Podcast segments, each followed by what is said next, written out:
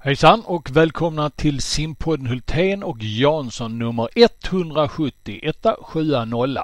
Den här gången så har vi nöjet att eh, ha som gäst en av Sveriges bästa simmare genom tiderna. Ja, den simmare som har tagit allra flest OS-medaljer, nämligen fem stycken under sin karriär och eh, är också den simmare som har tagit allra flest SM-guld på herrsidan någonsin.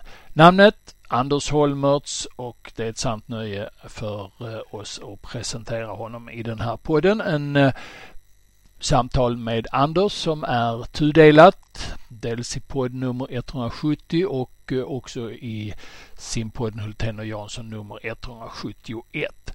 Avslutningsvis i podden idag lite dagsnyheter och nu kör vi. Välkommen Anders Holmertz. Ska vi snacka simning. Ja, om de gör det bättre, det vet jag inte, men de gör det oftare. Det är ju omänskligt. Ja, men det gör vi Bosse, vi trummar på. Simpodden, Hultén och Jansson. Ja du Anders, det var bra med dig sa du. Betyder det att du åkte en massa skidor i vinter? Nej, jag har ju inte gjort det tyvärr. Jag är, jag är väldigt sugen på däremot att börja då, men jag, jag behöver skaffa utrustning då. Men eh, och risken är väl att om jag gör det så kommer väl snön smälta bort då. Så att för er andra skull så låter jag bli och sikta på nästa år istället då. Hur ser dina Vasaloppsmeriter ut i dessa skidtider?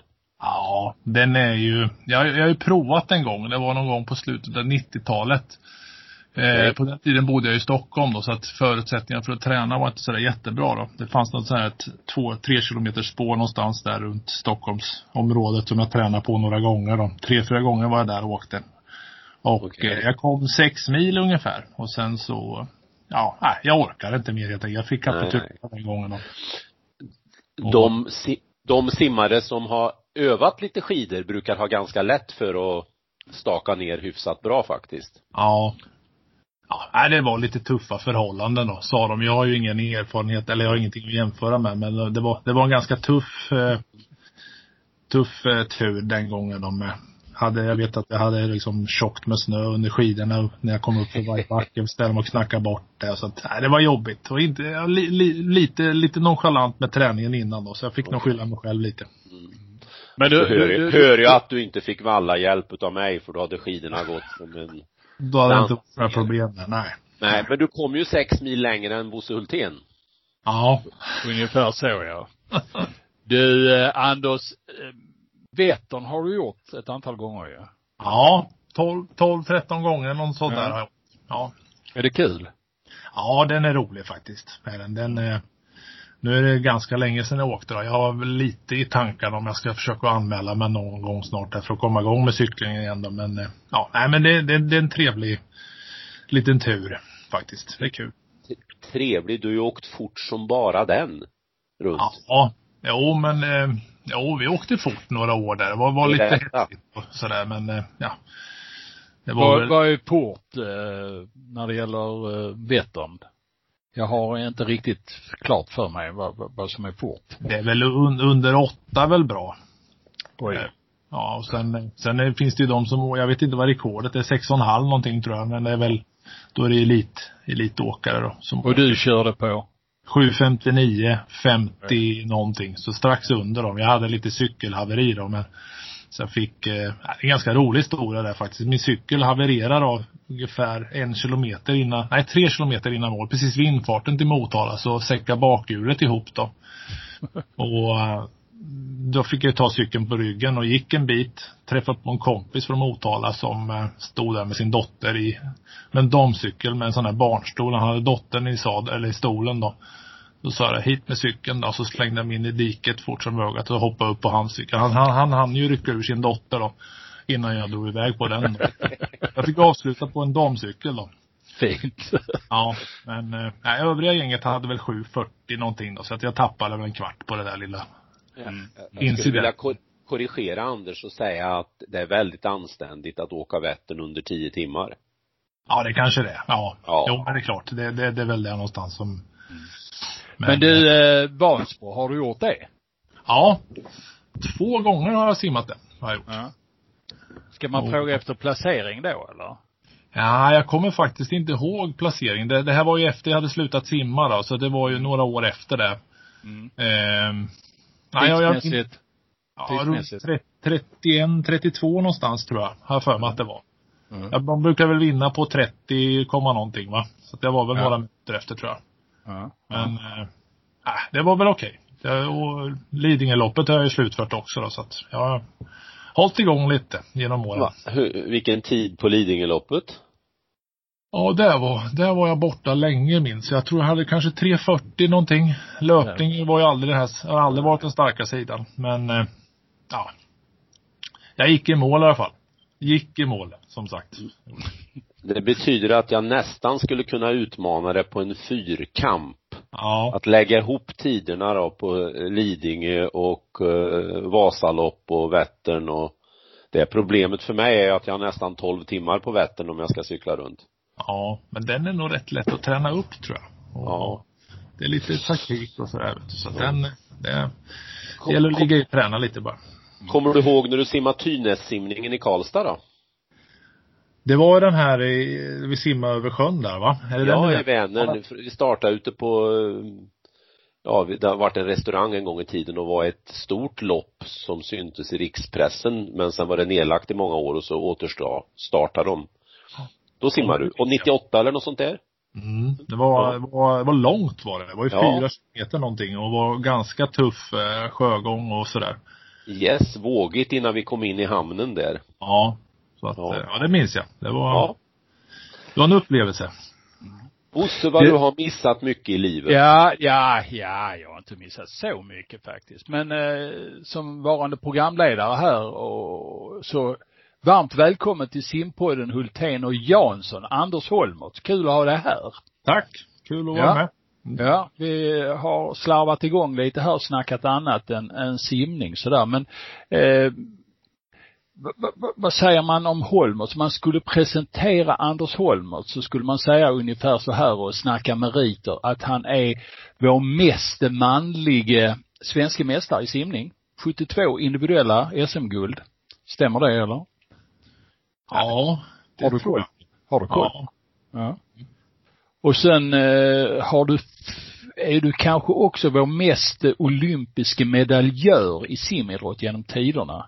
Jag tror det är så. Jag har inte gjort min hemläxa riktigt, men fem eh, OS-medaljer totalt. Därav tre individuellt och två lag. Två VM-medaljer i lång bana, tre kort och sen så eh, några händer fulla med eh, medaljer i långbana. Eh, det är, ganska mycket meriter. Vi kan väl lägga till massor med grejer till men eh, hur är sim, ska vi säga simminnena för dig idag monumentalt? Är du, är du fortfarande Anders Holmertz eh, världssimmaren för dig själv eller eh, hur känns det idag? Eh, nej, det, det, det är väl inte och, och, det- den, och det får jag verkligen känna av de gånger jag försöker hoppa i och simma lite själv också. Så det är ganska långt ifrån den världssimmaren idag då. Eh, men eh, nej, sen, sen jag tänker tillbaka, man, man tänker dagligen på sin, på sin simkarriär då, och, och jag ser tillbaka till på det som en, en väldigt rolig tid och ja, någonting som jag är stolt över att ha åstadkommit då såklart. Har, har det varit så alltid för dig att du har känt stolthet för vad du har gjort eller eh, fanns det en tid efter simkarriären där det inte var så viktigt längre? Ja, jo men det, det var det. Det var egentligen inte, jag, jag tänkte inte i de banorna när jag höll på och simmade heller utan det var hela tiden, eh, det var fokus på nästa mål och nästa lopp och så att man, det var inte så att jag såg mig som den simstjärnan då heller egentligen då. Och, och efter, just efter simningen så var det ju, för min del så fokuserade jag på att få igång, komma igång med den civila karriären då. Så att det var mycket fokus på det så att då lät jag simningen vara under ett antal år då. Mm. På tal om minnen, jag inser ju att det, eh, tror jag i alla fall, att det är omöjligt att komma ihåg alla de här 72 vinsterna på SM. Men hur många, om du skulle liksom återupprepa alla internationella finaler du har varit i, skulle, skulle du klara det? Och komma ihåg alla och sortera dem? Nej, det blir svårt. Eh, jag, såg, jag såg någon notis här på eh, nätet om, om mina OS-finaler här för någon vecka sedan. Att jag hade, hade, hade varit med 12 stycken då. Mm. OS-finaler. Och jag, ja, jag, ärligt talat så minns jag inte riktigt alla heller där då. Eh, det är ju ett antal lagkapper då, men eh, Ganska många kommer jag nog ihåg, men jag kan inte sortera alla. Nej, det, det går inte. Nej. Men du, om vi skulle börja lite från början och liksom börja eh, granska eh, den unge Anders Holmers, född 68, född i eh, Motala. Ja. Eh, hur snabbt blev det simning? Du var ju knappt, eh, du hade inte börjat skolan när du började simma va? Ja, det blev ju ganska tidigt i och med att morsan var ju badvakt då, och sen, eh, sen träffade hon Selling då i den, i den, eh, vid den tiden så, och han var ju även, eh, vad heter det, han var ju chef på simhallen där i Motala. Så jag spenderade i princip all tid där. Fritid, badade mycket och, och, och för att simma den bassängen så måste du klara av det här och det här. Och, så att jag byggde på där och började lära mig tidigt. Redan vid fyra års ålder simmade jag väl 200 meter. Mm. Och sen mm. så, ja, så vart det väl tävlingar runt, jag tror jag tävlade när jag var sex år första gången. 25 bröstsim, 70 adeln i Finspång. Mm.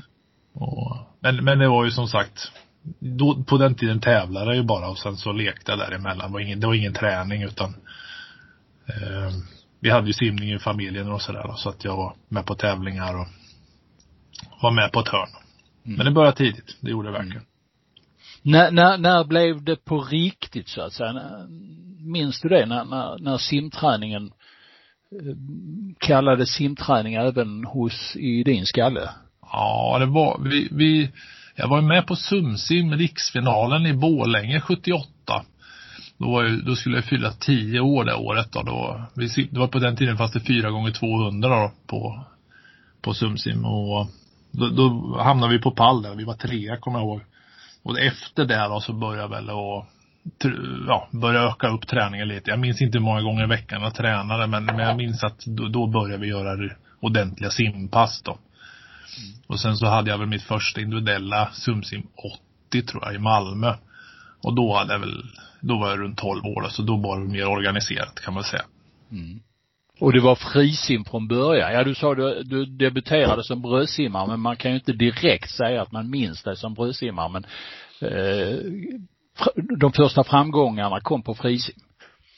Ja, ja, nej inte som sumsimmare så var jag nog ganska duktig på det mesta faktiskt. Jag, jag vann ju både medley, bröstsim och, och ryggsim och frisim och så att jag var, jag hängde nog med ganska bra. Men jag, jag var nog bäst på frisim, så var det. Men, men jag, jag, kunde ändå hantera alla simset relativt bra. Mm. mm. Och när började ni, ska man säga inom citationstecken, träna hårt? För det var ju ändå så, och väldigt mycket snacket runt dig fortfarande idag, det var ju att du kom i tuff träning tidigt. Uh, var det din, är det din uppfattning själv också eller?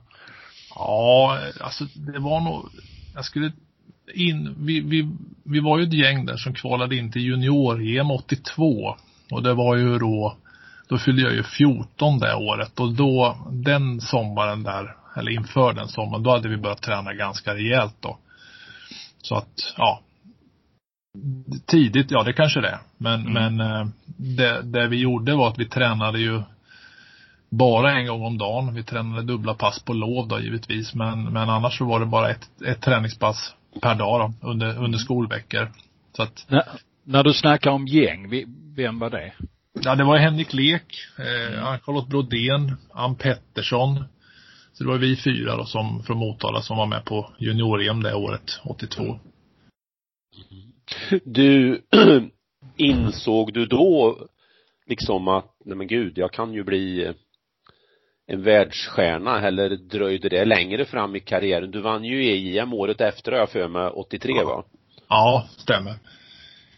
Nej, jag tänk, man tänker inte i de banorna när man är så ung heller utan man, man, man, man, man kör en tävling i taget i princip. Ja, åtminstone gjorde jag det på den tiden. Ja, och sen så var vi duktiga simmarna där. Vi hade en bra, bra kultur i Motala med många duktiga simmare. Pelle var ju där sen, sen innan och så att det var, det var på något sätt naturligt att vi, vi höll en ganska hög nivå då.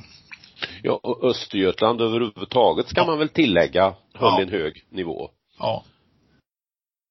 Så, så, så eh, kom du till EJM då som 14-åring, var det Ja, jag är ju född i december så att Ja. alla, alla mästerskap så var jag ju 14 och ett halvt eller 13 och ett halvt då, så jag skulle ju alltid, jag skulle fylla 15 det året då. Mm, mm. Det här med att, komma på mästerskap, eh, var det bekvämt för dig? Var, var- det någonting som du liksom eh, fann dig ganska snabbt eller? Ja, jo, det gjorde jag. Det var aldrig några, inget otäckt eller liknande utan det var, det, det kändes naturligt. Och eh, jag, jag gillar alltid att tävla och sådär så att jag tyckte, jag gillar den pulsen då, så att säga. Tidigt. Du och Henrik, ni, ni, ni tränar väldigt mycket ihop och var varandras konkurrenter. Eh, hur mycket plågade ni varandra på träning i den där åldern? Ja, det, jo vi, vi, vi, vi tränar ju in, ja, alltså vi plågar inte varandra. Däremot vi tävlade ju en hel del och framförallt så de, de, den delen vi pushade varandra på, det var nog närvaron tror jag. Det som, det här att man, vi, man, man hoppar aldrig över en träning då. Gjorde man inte. Utan vi var väldigt, väldigt närvarande då hela tiden. Om man inte var sjuk och så vidare. Då, men, men det var, det skulle till ett bra skäl för att vi inte skulle träna då. Sven-Arne, han fanns ju på bassängkanten men han fanns ju hemma också. Ble, blev det mycket simning hemma också tyckte du?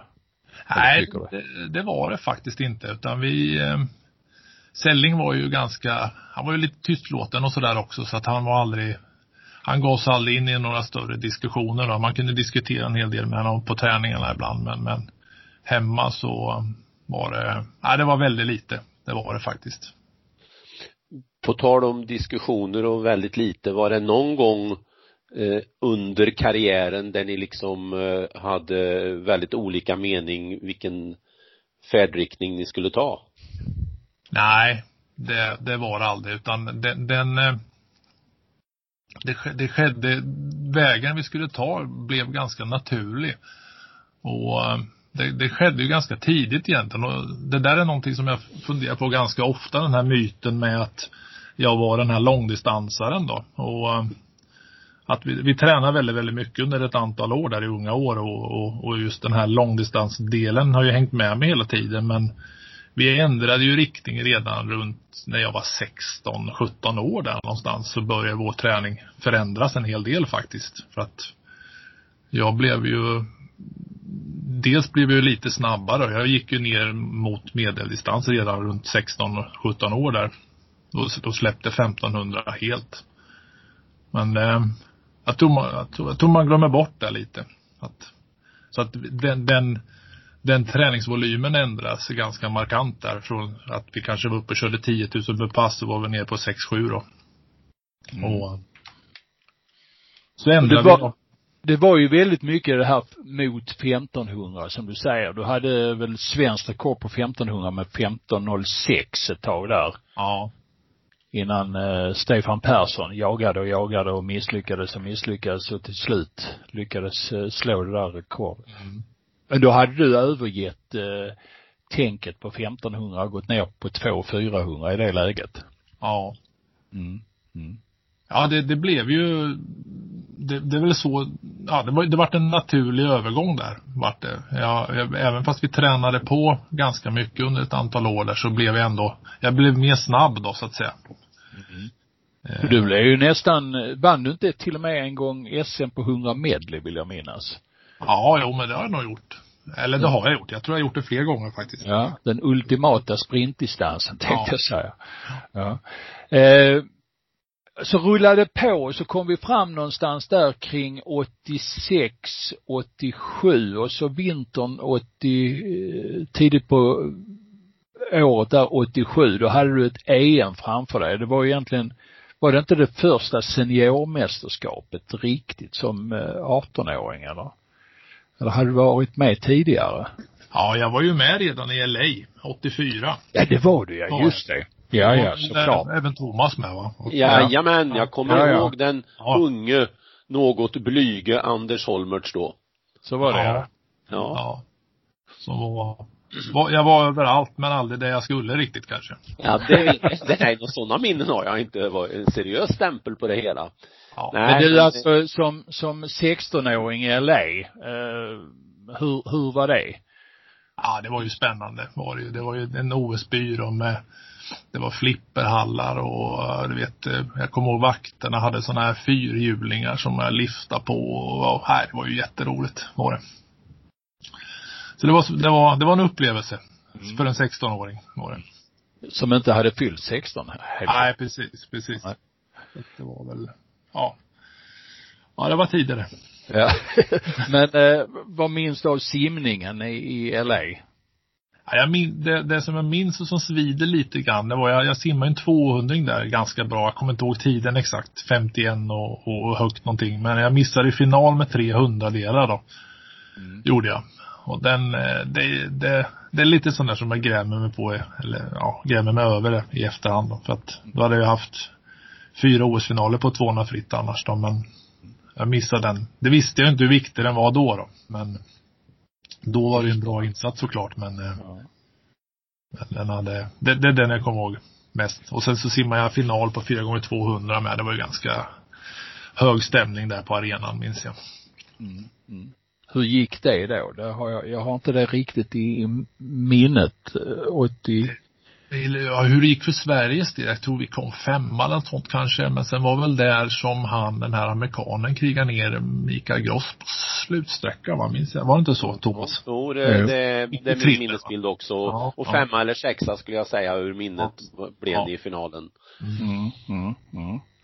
Vad betyder det att komma på ett OS där, eh, alltså så här i eh, efteråt inför de tre OSen som kom sen efteråt? Vad, vad, vad betyder det för 15-åriga Anders Holmers i det läget?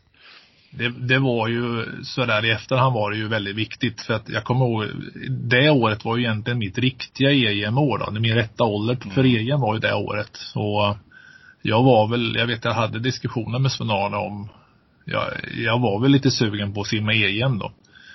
Men eh, då, då kom vi överens om att ja, långsiktigt så kan det ju vara en bra lärdom att åka på det här på, på OS då. Och eh, det visade sig att det var ju, det var, det var ett bra beslut var det. För sen när jag kom på OS nästa gång så var jag där för att ta medaljer då. Och mm. då, då, visste jag vad det handlade om. Mm.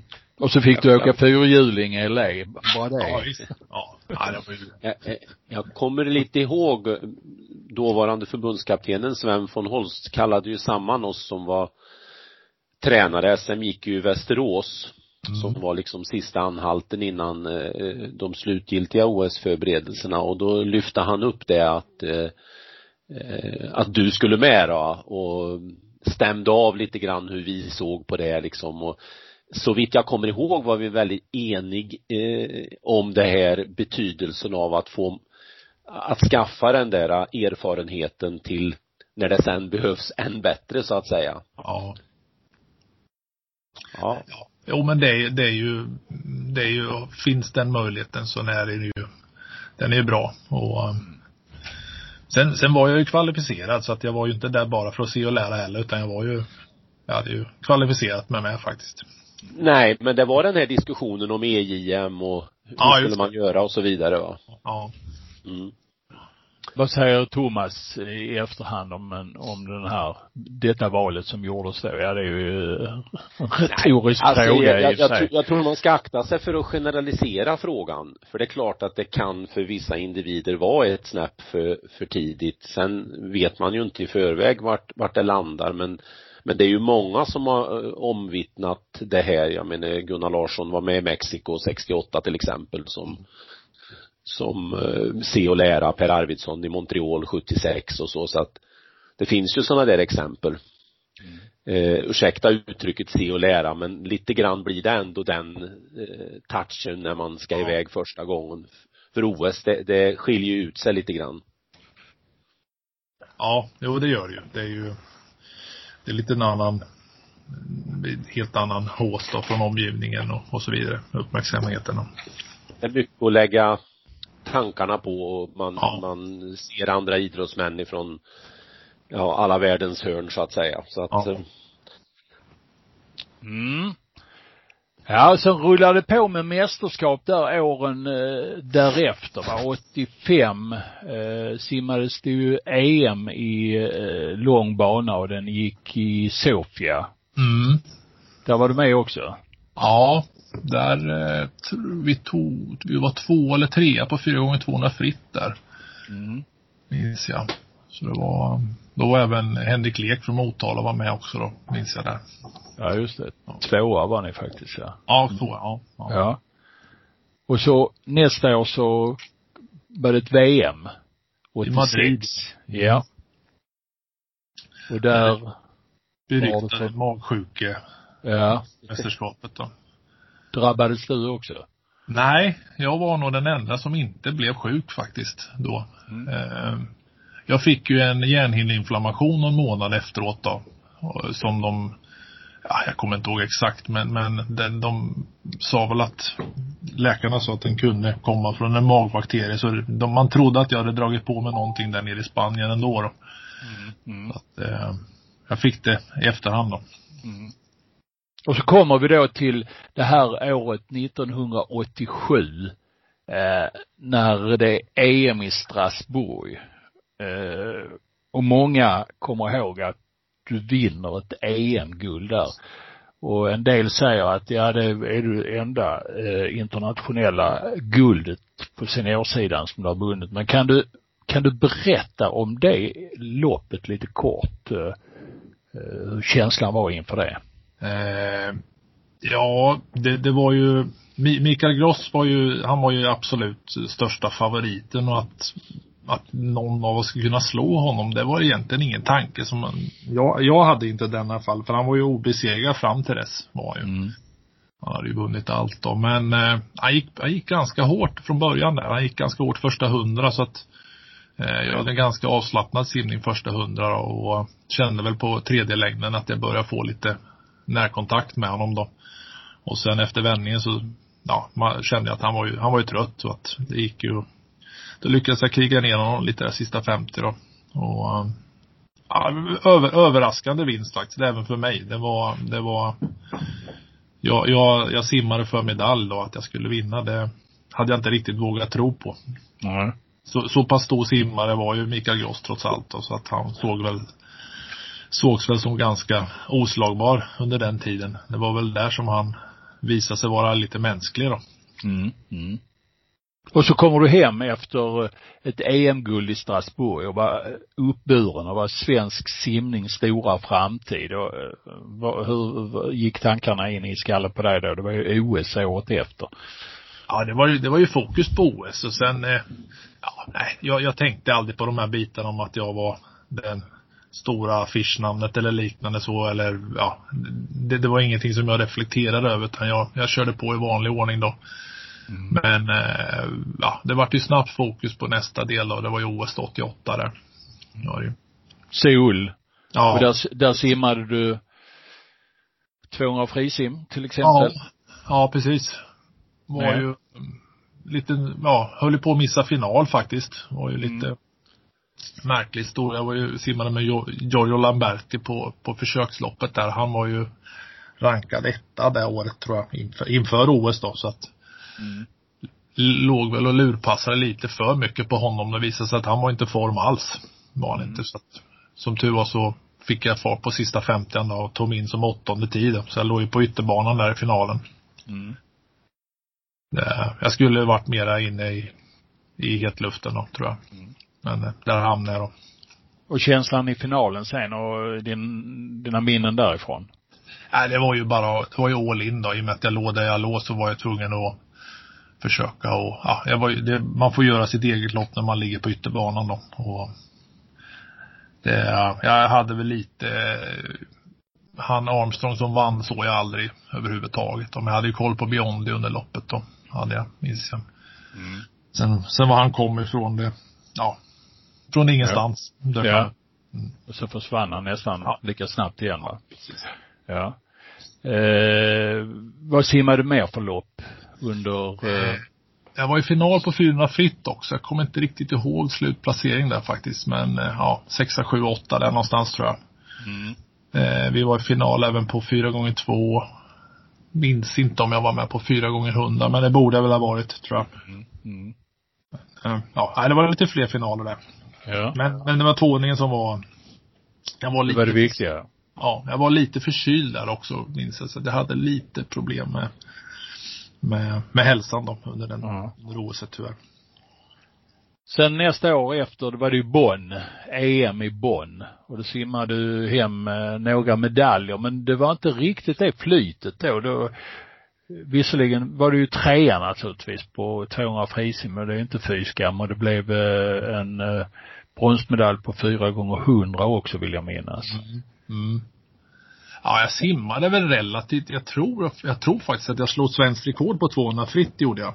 Mm. Jag simmade ganska bra men däremot så var ju Lamberti i, i, i stor form där i EM då. Så han, han, eh, han vann väl både 100 och 200 på, han, han slog världsrekord på 200 fritt, gjorde han. Ja, stämmer. Och, um, så att mycket fokus hamnade där då, så att, ja. I och med att jag hade slagit honom året innan på OS då så var det väl förväntningen att jag skulle även vinna där då. Men ja, han var i riktigt bra form och jag var väl okej då. Mm. Mm. Ja, så, så rullar det vidare med eh, EM i Aten 91. Hade vi någonting 90 också? Thomas, är du med där? Ja, det gick ju ett VM i Perth i, som Just skulle ha det. gått 90 men gick i januari 91. Just det, det var där vi Innan simmat och sen kom EMet på sommaren så det vart liksom Ja. dubbelmästerskap 91. Så var det ja. Ja, ja vi hade ju, vi körde en Euro, någonting som kallas för Europacupen i Rom på sommaren 90. Som, eh, det var ju en internationell tävling så det var ganska många länder där jag tävlade om. Och där, eh, där var jag i riktigt bra form faktiskt där på sommaren 90. Mycket, betydligt bättre än vad jag var, var sen i januari 91 på VM i Perth. Mm. Så att vi, vi, vi, vi missade lite där kan man säga. Utan jag, var, jag var på topp på sommaren 90 då och sen så gick vi på lite för hårt med styrketräning under hösten där 91. Som inte riktigt fick utdelning för tyvärr då. Tvärtom under VMet. Den kom senare sen då. Du satte ditt pers bland annat i Rom på 100 fritt vill jag minnas. Så det var riktigt Ja, snabbt. precis. ja, och hade 47, en 47 och små på 200 fritt och 49, 90 någonting då på 100 fritt då. Så att 94 Simmar- ja. Mm. Ja, simmade en snabb eh, split i en lakapp gjorde jag 48-60 någonting också. Eh, när jag satt här på morgonen och bläddrade igenom eh, gamla simsport och, och försökte eh, tänka tillbaka lite grann så slås, slogs jag ju av att du på väldigt många tävlingar eh, likt Sara idag höll en väldigt hög eh, nivå. Eh, och man kunde hitta rubriker världsbästa tid utav Anders där och världsbästa tid utav Anders där. Eh, var det en medveten strategi? Nej, det var det inte utan det var, det var ju Alltså jag var, ja, jag, jag vet inte riktigt vad, vad, det- vad, vad det berodde på så att säga men däremot så jag, jag återhämtade mig ganska fort ifrån träning då så att eh, jag, tål, jag tålde ju tuff träning, jag tålde höga, alltså höga farter på träning och, och ofta så, jag tror, jag tror Sara lite åt det hållet med hon, hon tål väldigt mycket då. Och några dagar kan räcka för att flyta upp och återhämta sig ganska bra då och prestera bra. Så att, eh, det, nej det var ingen medveten strategi utan, ja, en, en, en hög högsta, eller hög lägsta nivå. Ja, alltså fan, det, det, jag blir jätteimponerad alltså under så många år på, på den nivån. På tal om strategi, eh, det här med att putta in extra styrketräning. Eh, hur tänkte ni där? Nej, det var väl, eh, det var väl tid för att börja styrketräna då. Det, det, det, vi styrketränade inför sommaren 90 då, den som vi pratade om innan, den jag simmade väldigt fort både på 100 och 200. Då hade vi, då hade vi börjat köra styr, lite tyngre styrketräning där under vintern och våren 90 då. Och vi fick ut ganska bra effekt på det på sommaren. Men sen så blev det ju, på hösten blev det mer styrketräning och lite för lite långbaneträning bland annat då. Tränade mest i 25 Eh, så att fick väl inte riktigt den simningen jag behövde då. Utan sen, sen simmade jag bra på de korta sträckorna på VM men det räckte inte till på 200 tyvärr. Då. Så vi fick, vi trappade ner på den delen efter det då. Det, jag kommer ju ihåg från bassängkanten liksom det här som, alltså man pratar ju om många olika simmar och det här, ja det är nog bra om Anders får lite mer styrka och så, men det var en annan sak som också var på tapeten, det var eh, hur du skulle kunna använda din benspark i spurter och så. Ja. Är det något du kommer ihåg att det var ett ämne också? Ja, det var, det var, det var ett tjat. Det var, det pratas om det jämt va. Ja. blev- Ursäkta att jag drar upp det då. Nej, nej, men, men så var det ju. Och, och det var ju, alltså min, min benspark var ju ganska bra faktiskt. När jag, när jag simmar ben på träning och sådär så, om jag jämför med mina simmare idag så insåg jag, eller många simmare idag så insåg jag att jag var ju helt okej på benspark. Det var bara det att jag kunde, jag fick liksom inte till den kombinationen i mitt frisim riktigt då. Eh, jag kunde inte riktigt implementera den delen. Så, där, där jag var tvungen att bygga om allting och det, det var ju inte riktigt läge att göra det i den åldern heller va. Så att, Nej, utan du fick gå på armfrekvens också i Ja. sport helt enkelt. ja, det, det var, så var det helt enkelt. Den, den delen skulle man ha gjort långt, långt innan i så fall. Och resultatet av det kanske inte hade blivit lika bra heller, det, det vet vi ju inte. Nej. Nej. Nu ska vi ta ett klart, litet... Jag hade eh, önskat, jag hade önskat att jag hade haft en rökare med bensparken, självklart. Ja. Anders och Thomas, vi ska göra en, eh, ett litet break här nu. Eh, och så kommer vi alldeles strax tillbaka. Nu ska vi snacka simning. Ja, om de gör det bättre, det vet jag inte, men de gör det oftare. Det är ju omänskligt. Ja, men det gör vi Bosse, vi trummar på. Simpodden, Hultén och Jansson. Då kommer vi till eh, den delen som behandlar dagsaktuella nyheter inom simsporten. Vi fick vara med om att eh, Louise Hansson simmade fort på långbana i eh, England häromdagen. Vi fick också uppleva ett eh, svenskt rekord av eh, Sofie Hansson på bröstsim i yardsbassänger. Det är några positiva grejer som vi har med oss men som vi inte tar upp i det här snacket nu. Utan eh, nu är det Hultén och Jansson som eh, snackar om en del andra saker. Då eh, spelar vi in just nu. Mm.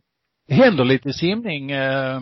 Både bra och dåliga saker har vi ju märkt de här senaste dagarna. Eh, och det är det vi ska fokusera på.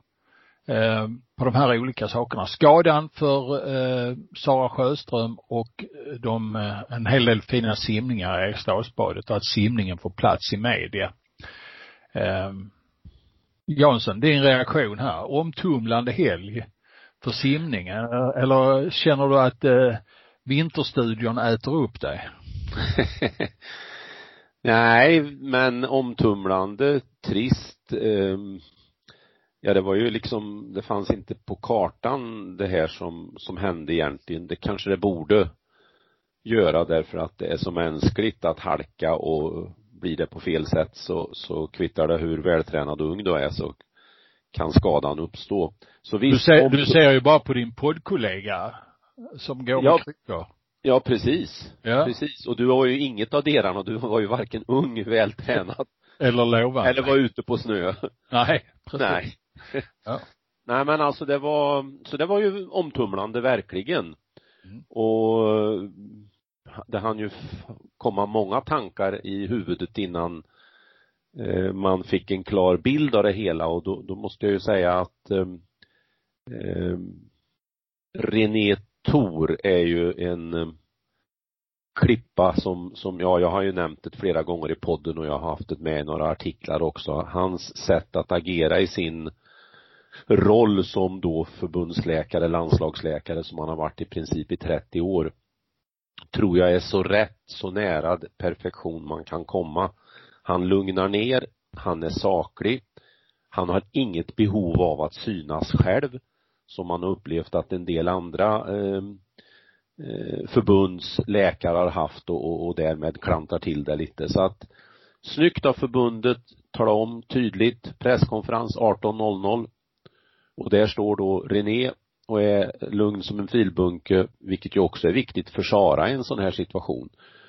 Och eh, likaså Ulrika har ju, ja men vi kan ju ha lite synpunkter på hur man tycker att landslagsprogrammet och simningen ska tänka framåt men, men Ulrika är ju också en sån bra person i, i sådana här lägen för hon är också lugn och saklig och eh, har eh, ja, har inget behov heller av att synas. Så att, nej, det var, i den meningen var det en bra dag igår och så tydligt talar om att imorgon klockan 17, alltså så som idag, när vi spelar in, då blir, följer vi upp hur gick operationen, eh, vad kan man tänka sig för konval konvalescenstid och så vidare och så vidare. Sen kommer ju förstås funderingen, vad innebär det för OS?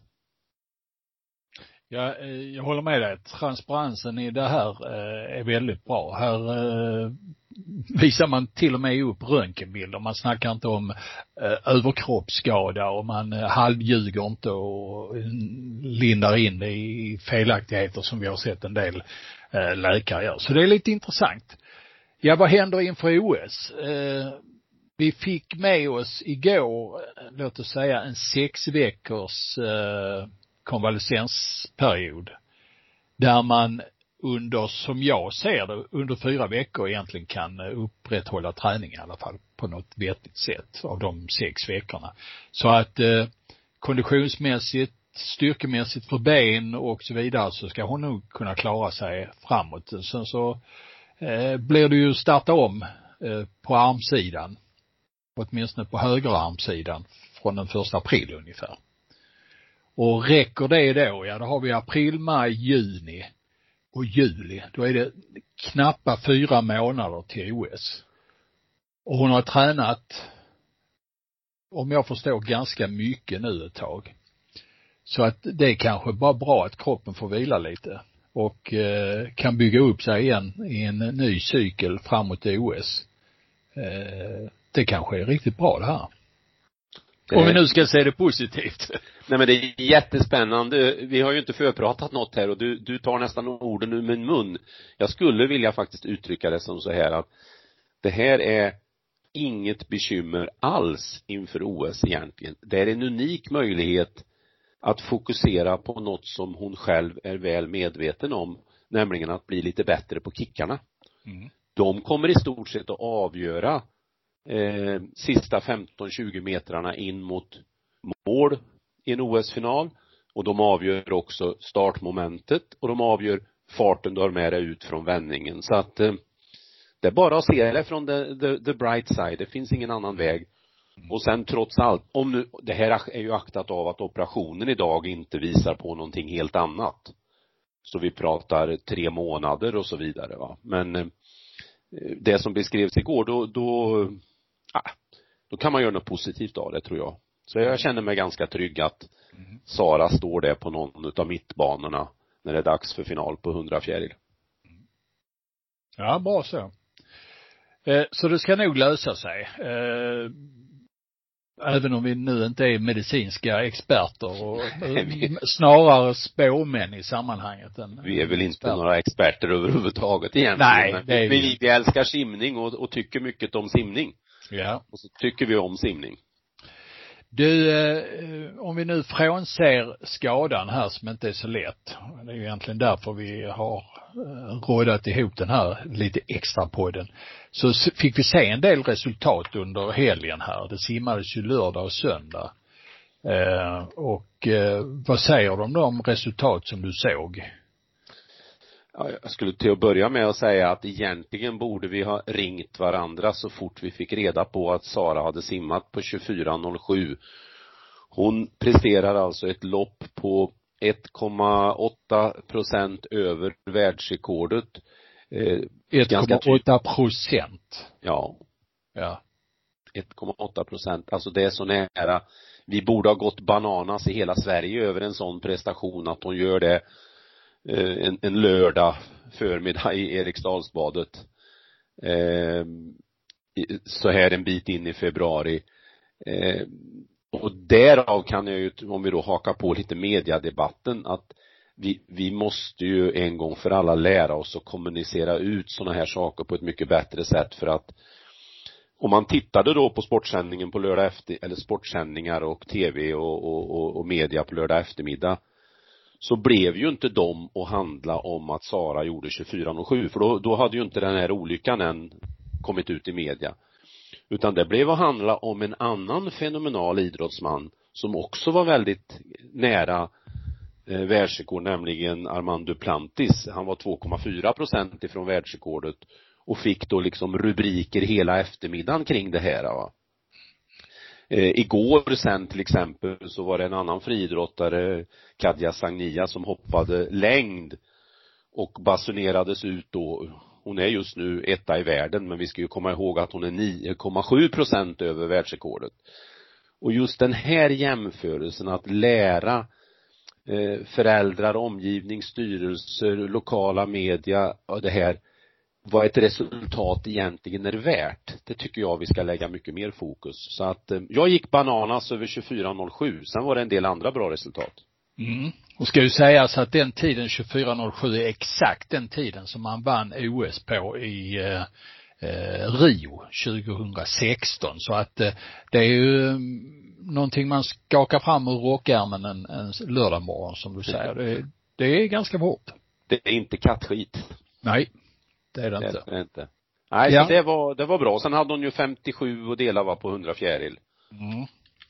Och det är ju också okej. Det är klart i en träningsperiod och så, så kostar det ju lite mer på hemgången kanske än det gör på en, på en 50 Så att eh, Sara har ju ett utgångsläge som är bra inför OS, trots nu det här som hände, aktat av att inte operationen eh, visar på andra bekymmer. Mm. Mm. Mm. Ja, Robin Eh. Hansson, två gånger 1,48 och en halv. ja. Några tiondelar tycker jag också är värt att lyfta på. Mm. Emily Fast sätter personligt rekord på 100 bröst. Mm. 1.09 och två lopp under 1.10. Två lopp under 1,10. Eh, Sara Junevik eh, visar upp ganska bra frisimsnivå. Eh, hon sneglar nog mot ett OS-lag, kan jag tänka mig. Även om hon egentligen är fjärilsimmerska. Mm. Eh, ja. Det var, alltså, det, var, så- det som, Om du tittar på Sara Junevik så om vi får ner henne, eller hon får ner sig själv rättare sagt, eh, sekunden på 100 fritt på gåstart eh, närmaste månaderna och sen så kan ta eh, en sekund eller åtta tiondelar i en lagkapp, då är hon nere på anständig tid och hon, hon känns ganska säker att ha på ett OS. Tycker jag, för hon, hon har varit ute i hetluften en hel del och lyckats väldigt bra i det här progressionen från försök till final nästan hela tiden. Ja, alltså skulle man då eh, sitta som en förbundskapten och ha några likvärdiga eh, personer att välja på till en fjärde sträcka i en eh, OS-final till exempel så skulle jag ju inte vara rädd för att då välja just Sara av de skäl du nu nämnde att hon har väldigt många gånger visat upp att klara att tåla den där extra stressen, att tåla det där extra påslaget utav adrenalin. Robin Hansson är ju lite grann samma, eh, höll på att säga, skolad i samma form. Mm. Tål också det där extra. Och det, det är lite guld värt när det drar ihop sig. Mm. Så det var ju lite kul det. Ja. Men som sagt, sen är 56 och 8 eh, det är ju en, det är ju en bit kvar och det är ju lätt Ja, ja. kapa en sekund där och så ska du göra världens bästa växling och så kapar du en sekund till. Ja, ja, det kan ju vi säga då som slipper bli Det är lätt. Ja, ja, så Ja, är det ju. men, Men vi, vi, vi, vi har ju chansen och vi, Ja. vi har också eh, ynnesten att få spekulera lite va. Vi Ja. måste ingjuta hopp i både oss själva och, och omgivningen på något sätt. Ja. Nej men det är bra och, och då får de väl darra lite de här andra som är med och konkurrerar om de där platserna. Mm. Mm. Bra det. Mm. Du, eh, ja, har du fler eh, tider du vill kommentera där? Eh, som du såg? Nej, alltså jag gillar ju när jag ser att Simon Sjödin håller på. Jag hoppas han aldrig slutar att simma. Ja. Ehm, det, nej, det var, ja, jag skulle vilja kommentera eh, greppet man tog. Mm. Att man genomförde det här. Mm. Och att man gjorde det medialt. Äntligen. Alltså Mm. man ska ju ta alla sådana där chanser även om det här var då inom citationstecken träningstävling eller vad vi nu ska benämna det. Men att göra det medialt, jätteviktigt. Och det kan man ju göra av en, någonting som händer på träning också. Mm. Om man fiskar upp, om, om tränarna på NEC till exempel talar, upptäcker att oj då, idag gjorde Erik Persson den här fantastiska serien, ja men då kanske man kan sy ihop en pressrelease om det. Mm. Ja. Och mycket då. annat. Ja, och Erik speciellt eftersom man kan knyta ihop det med att han också är ganska nära världsrekordet. Jag tycker det är en viktig parameter att Erik, han behöver ju inte bli så mycket bättre och då kan han sätta världsrekord. Ja du Erik. Vi Ja.